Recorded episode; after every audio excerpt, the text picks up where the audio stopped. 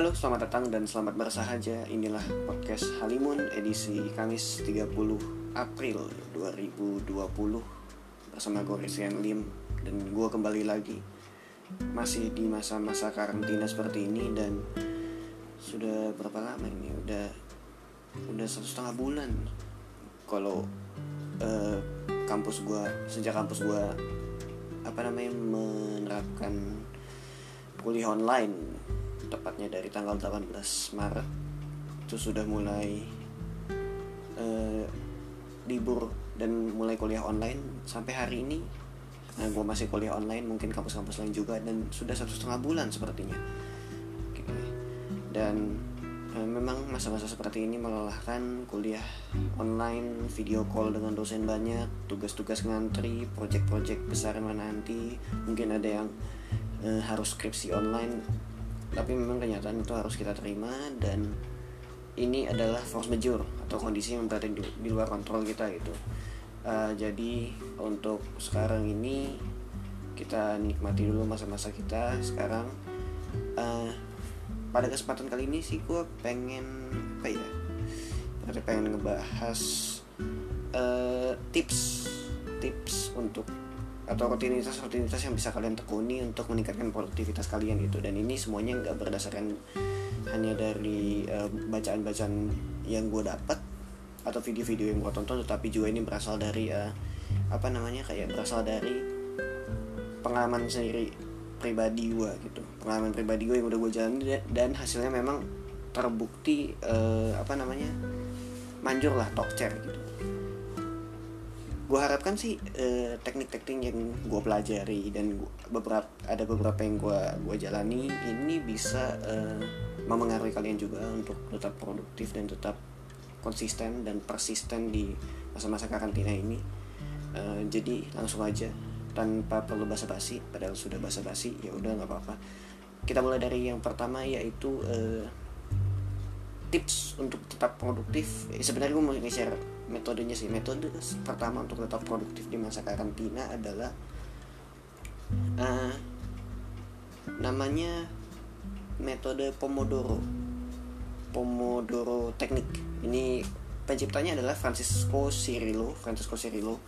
Uh, ini tekniknya uh, lebih tepatnya gue lebih suka menyebutnya teknik produktivitas bukan teknik time management karena waktu nggak bisa di manage jadi uh, lebih enak menyebutnya aplikasi produktivitas atau productivity application gitu. Nah untuk Pomodoro teknik ini uh, dia lebih ke step-step sih. Jadi step-step uh, gue akan jelasin step-stepnya. Pomodoro teknik mungkin nggak nggak terlalu terkenal sih di Indonesia. Tapi kalau di luar negeri ini lumayan terkenal banget gitu. Ini untuk produktivitas untuk kerjaan tugas dan lain sebagainya untuk pengembangan sesuatu ini ini ini mungkin akan berguna gitu. Uh, Pomodoro teknik ini sebentar. Oke okay. uh, Pomodoro teknik ini ada beberapa step. Step yang pertama yaitu kita tentuin dulu apa yang mau uh, kita kerjain. Jadi misalkan kita mau ngerjain tugas project atau bab satu misalkan pendahuluan. Atau uh, tugas yang lain misalnya tugas uh, forum di kampus atau yang lain sebagainya kita tentuin dulu apa yang mau kita kerjain. Yang kedua yaitu kita set timernya. Nah setelah kita set timernya timernya uh, by the way 20 menit tapi tergantung kalian maunya seperti apa. Uh, maunya 30 menit juga boleh 35 menit juga boleh 45 menit juga boleh. Tapi direkomendasikan 25 menit atau ya mentok-mentok 30 menit lah gitu. Jadi set timernya 30 25 sampai 30 menit itu adalah waktu kalian ngerjain. Nah yang ketiga mulai timernya sambil ngerjain tugasnya. Jadi kalian punya waktu 25 menit untuk ngerjain tugas itu gitu. Kalau 25 menit pertama habis eh, kalian bisa kasih kayak checklist gitu tanda centang di kertas atau di aplikasi notes dan lain semacamnya. Habis itu kalian take a break selama 3 sampai 5 menit oh itu bisa kalian manfaatkan untuk bikin kopi tubruk dulu lah atau minum air putih atau jalan-jalan sekitar atau peregangan gitu. Nah selanjutnya kita ulang lagi 20 menit tadi. Kita mulai lagi 25 menit yang kedua kita kerjain tugas lagi. Uh, abis itu setelah 20 menit kedua abis take a break 3 sampai 5 menit lagi. 25 menit ketiga take a break lagi. 25 menit keempat take a break gitu. Take a breaknya tapi setelah setelah udah empat kali nih setelah udah empat kali ngerjain berarti yang mana itu udah 100 menit totalnya. Ya kalian take a breaknya lebih panjang 15 sampai 30 menit gitu. Tapi jangan lupa juga setiap selesai 25 menit kasih tanda centang. Nah seterusnya setelah setelah Pomodoro keempat setelah 25 menit yang keempat itu intinya adalah e, jangan ubah waktunya tapi breaknya yang diubah waktu breaknya yang diubah. Jadi untuk 25 menit kelima set, e, dari 25 menit keempat setelah itu take a break 15 sampai 30 menit 25 menit kelima take a break lagi 15 sampai 30 menit dan seterusnya gitu. Tapi jangan lupa checklist. Uh, ini biasanya buat tugas-tugas yang kalau menurut gue ini lebih ke tugas-tugas yang nggak uh, terlalu panjang gitu. Jadi misalkan kalian mau ngerjain latar belakang bab satu atau misalkan tujuan penelitian atau misalkan mau ngejabarin teori gitu silahkan. Tujuan dari teknik ini adalah untuk uh, biar kalian uh, bisa fokus dan juga bisa uh, apa ya otak kita tuh nggak nggak nggak nggak capek. Ini yang jadi masalah banyak orang ketika let's say lu sudah sering lah kayak misalkan lu kerjain tugas lu force waktu lu 2 sampai 3 jam untuk kerjain satu tugas. Habis itu lu lanjut lagi ngerjain tugas. Mungkin hanya makan sedikit atau gimana. Nah ini yang menjadi masalah. Dan itu mempengaruhi kesehatan lu gitu. Nah dengan adanya short break 3 sampai 5 menit 15 sampai 30 menit di Pomodoro uh, lu bisa take a break untuk misalkan sekedar merenggangin badan atau minum air putih bikin kopi dan lain sebagainya. Nah ini jeda ini yang bisa mempengaruhi uh, performa otak lo gitu. Karena kalau otak lo dipaksa bekerja lebih dari uh, misalkan pasti lebih dari satu jam atau dua jam itu melelahkan sih. Makanya waktu ngerjain itu 25 menit atau 30 menit yang disarankan. Nggak melebihi itu tapi kalau lo mau coba lebih silakan. Dan kalau kurang rasanya terlalu cepat. Uh, manfaat dari pomodoro ini yang pertama yang tadi gue bilang fokus. Itu uh, apa namanya kita diminta untuk fokus 25 menit sampai 30 menit. Kenapa kita harus fokusnya segitu? Karena kalau melebihi segitu itu takutnya kan gimana ya? Takutnya eh, kita capek ngerjainnya otak kita lelah dengan dengan mengerjakan itu terus-terusan dan kita akan mudah terdistraksi. Karena biasanya memang eh, secara man, secara secara apa ya? Secara uh, evolusi secara dari DNA kita. Manusia itu adalah makhluk yang mudah terdis terdistraksi itu dari uh, sudut pandang survival. Kita selalu uh, ingin tahu ingin tahu dan peduli dan memperhatikan lingkungan sekitar gitu. Jadi kita mudah terdistraksi dengan hal kayak let's say sekarang kan banyak hal yang mendistraksi kayak HP dan lain sebagainya. Nah kalau dari dulu itu kan uh, apa namanya orang-orang zaman dulu kan terdistraksi paling sama sih? Sama kayak orang lain atau suara atau benda dan lain sebagainya gitu. Tetap kita mudah terdistraksi dari dulu. Jadi itu sudah memang dari DNA kita sudah dari uh, sejarah manusia memang sudah terlahir gampang terdistraksi. Makanya teknik ini uh, bisa dipakai untuk menjaga fokus kita. Nah dengan Pomodoro ini juga bisa ngatur kemampuan planning kalian. Apa yang mau dikerjain hari ini? Terus step-stepnya uh, di Pomodoro eh, apa di Pomodoro yang pertama mau ngerjain apa dulu? Terus habis break pertama Pomodoro kedua mau kerjain apa? Pomodoro ketiga mau kerjain apa? Dan seterusnya gitu. Kita diatur untuk handle apa usaha kita dan effort yang kita keluarin di 25 setiap 25 menit yang uh, tersedia gitu di 25 menit pertama kita mau apa 25 menit kedua kita mau ngerjain apa 25 menit seterusnya dan seterusnya kita mau ngerjain apa gitu. Ini gue sudah pernah coba dan hasilnya lumayan efektif. Uh, waktu itu gue ngerjain ujian hukum bisnis top chair lumayan mantap. Dan hasilnya gue bisa fokus untuk ngerjain dua nomor yang dua ABC itu kayak gimana kayak eh bukan dua bukan dua ABC satu sa nomor uh, jadi soalnya ini ada satu.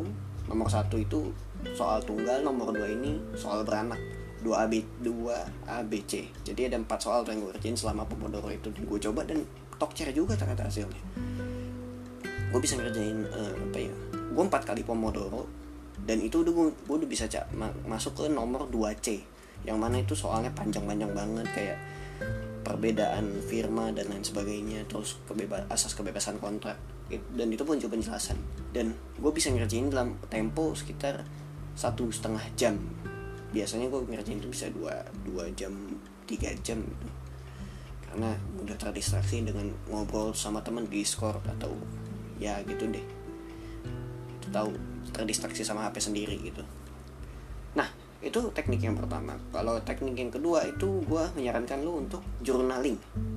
Uh, journaling di sini bisa bebas lu mau bikin bullet journal atau jurnal uh, gratitude journal. Jadi gimana uh, gimana lu bisa bisa bersyukur gitu. Jurnal untuk menuangkan hal-hal yang lu syukuri atau mungkin ideas jurnal lu pengen menuangkan ide yang tiba-tiba muncul di kepala lu pop up hitam gitu kan. Dan lu pengen langsung tulisin biar itu tidak hilang itu juga bisa. Tapi gue sarankan ya lu bikin jurnalnya itu kalau gue sih jurnalnya gue lebih suka memvisualisasi uh, quotes quotes dari tokoh ternama. Lu visualisasikan uh, dalam bentuk yang simple. Jadi se sehingga tidak hanya uh, mudah ditangkap orang tetapi juga bisa enak dilihat dan uh, cepat nangkapnya gitu.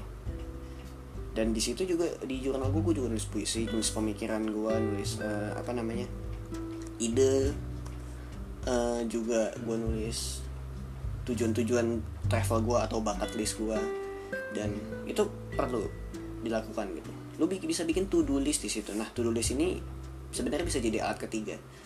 Tips ketiga atau metode ketiga gitu. Lu bikin to do list uh, apa yang mau kerjain minggu ini atau apa yang mau kerjain hari ini ah, besok dan minggu depan gitu. Apa yang mau kerjain itu menentukan sih itu lu prioritasin yang mana dulu dan dengan itu lu bisa tahu apa yang harus lu kerjain duluan belakangan lu kerjain besok mana yang lebih penting tugasnya buat lu. Dan di situ itu juga membantu lu untuk mengingat tugas yang harus lu kerjain gitu. Makanya gue sering kali bikin remind to do list itu sebagai reminder. Pasang reminder juga itu banyak kok aplikasi-aplikasi di HP yang to do listnya sekarang sudah ada reminder gitu. Jadi misalkan mau ngerjain uh, tugas uh, project misalkan besok jam uh, eh, 9 pagi. Sudah ada reminder jam 9 pagi. Tinggal lu set aja. Nah itu journaling dan to itu dua. Nomor 2 dan 3 itu lu bisa pakai untuk uh, ningkatin produktivitas nge-enhance otak lu biar tetap tetap aktif. Karena sebenarnya uh, menurut penelitian lebih baik menulis daripada lu ngetik gitu. Karena menulis itu kan apa ya manfaatnya besar sekali. Otak lu aktif ketika menulis. Makanya menulis banyak yang ya banyak penelitian yang bilang menulis itu lebih baik sebenarnya jadi kertas itu lebih lebih berguna pensil lebih berguna untuk membuat otak kita aktif. Uh, satu penelitian uh, yang menarik di sini adalah uh, ya kayak tadi gue bilang menulis itu menulis itu membuat lu otak lu aktif dan bisa mengasah diksi kata lu gitu. Diksi kata lu dan juga bisa mengolah imajinasi lo ini di samping baca novel baca novel juga bisa bikin bikin imajinasi lo meningkat gitu kan. Nah uh, menulis itu adalah hal yang nomor empat ya menulis. Transisi jelek banget sorry. Nomor empat menulis. Ini teknik yang perlu banget gitu. Menulis itu perlu karena bukan hanya hal-hal tadi membuat otak lo aktif dan sebagainya menulis itu adalah bagian dari hidup lo gitu. Menulis itu adalah bagian dari berliterasi yang mana itu adalah kegiatan kita sehari-hari. Berliterasi itu kan menulis dan membaca dan juga memahami bacaan. Nah ini ini yang menjadi penting gitu karena tingkat literasi kita ya kita tahu lah satu dari berapa tuh kalau nggak salah satu dari seratus ribu atau sepuluh ribu orang di Indonesia yang berliterasi. Satu dari sepuluh ribu apa satu dari seratus ribu gue lupa itu. Sangat sangat bisa dibilang itu karena gue juga sebagai uh, melalui pengalaman gue sebagai duta baca gue jadi tahu betapa rendahnya uh, tingkat literasi orang-orang Indonesia. Itu. Dan uh, apalagi ya? Kalau kayaknya segitu aja kalau dari gue sih gue biasanya uh, ya tadi pomodoro teknik journaling pasang reminder eh pasang bikin to do satu dengan reminder. Dan keempat uh, apa namanya keempat ya tadi menulis gue nulis puisi kayak nulis apa kayak journaling bisa tuangkan ide lu gitu. Dan journaling sama menulis ini bisa jadi satu gitu kan. Dan uh, mungkin gue rasa itu dulu yang bisa gue sampaikan uh, semoga tips-tips ini bermanfaat. Dan tips-tips yang gue jalani ini adalah uh, tips-tips atau metode yang gue gue jalani. Gue jalani selama keseharian gue selama masa karantina gitu. Dan uh, gue nggak tahu ini apakah ini akan metode-metode ini apakah akan cocok dengan kalian. Tetapi yang gue harapkan metode-metode ini setidaknya kalian coba dulu. Uh, untuk diterapkan kalian coba dulu di kehidupan sehari-hari selama masa karantina ini apakah cocok? Dan kalau misalkan cocok mungkin bisa diteruskan setelah karantina bikin new normal kalian setelah masa karantina. Uh, siapa tahu itu akan mempengaruhi produktivitas kalian dan uh, diharapkan juga bisa mempengaruhi performa dan kinerja kalian selama kuliah. Atau mungkin bahkan nanti saat punya karir punya keluarga dan itu membantu kalian juga gitu. Oke sekian dulu dari gua. Ingat hidup itu santai aja nggak usah ngegas dan tetap sebarkan cerita sebarkan cinta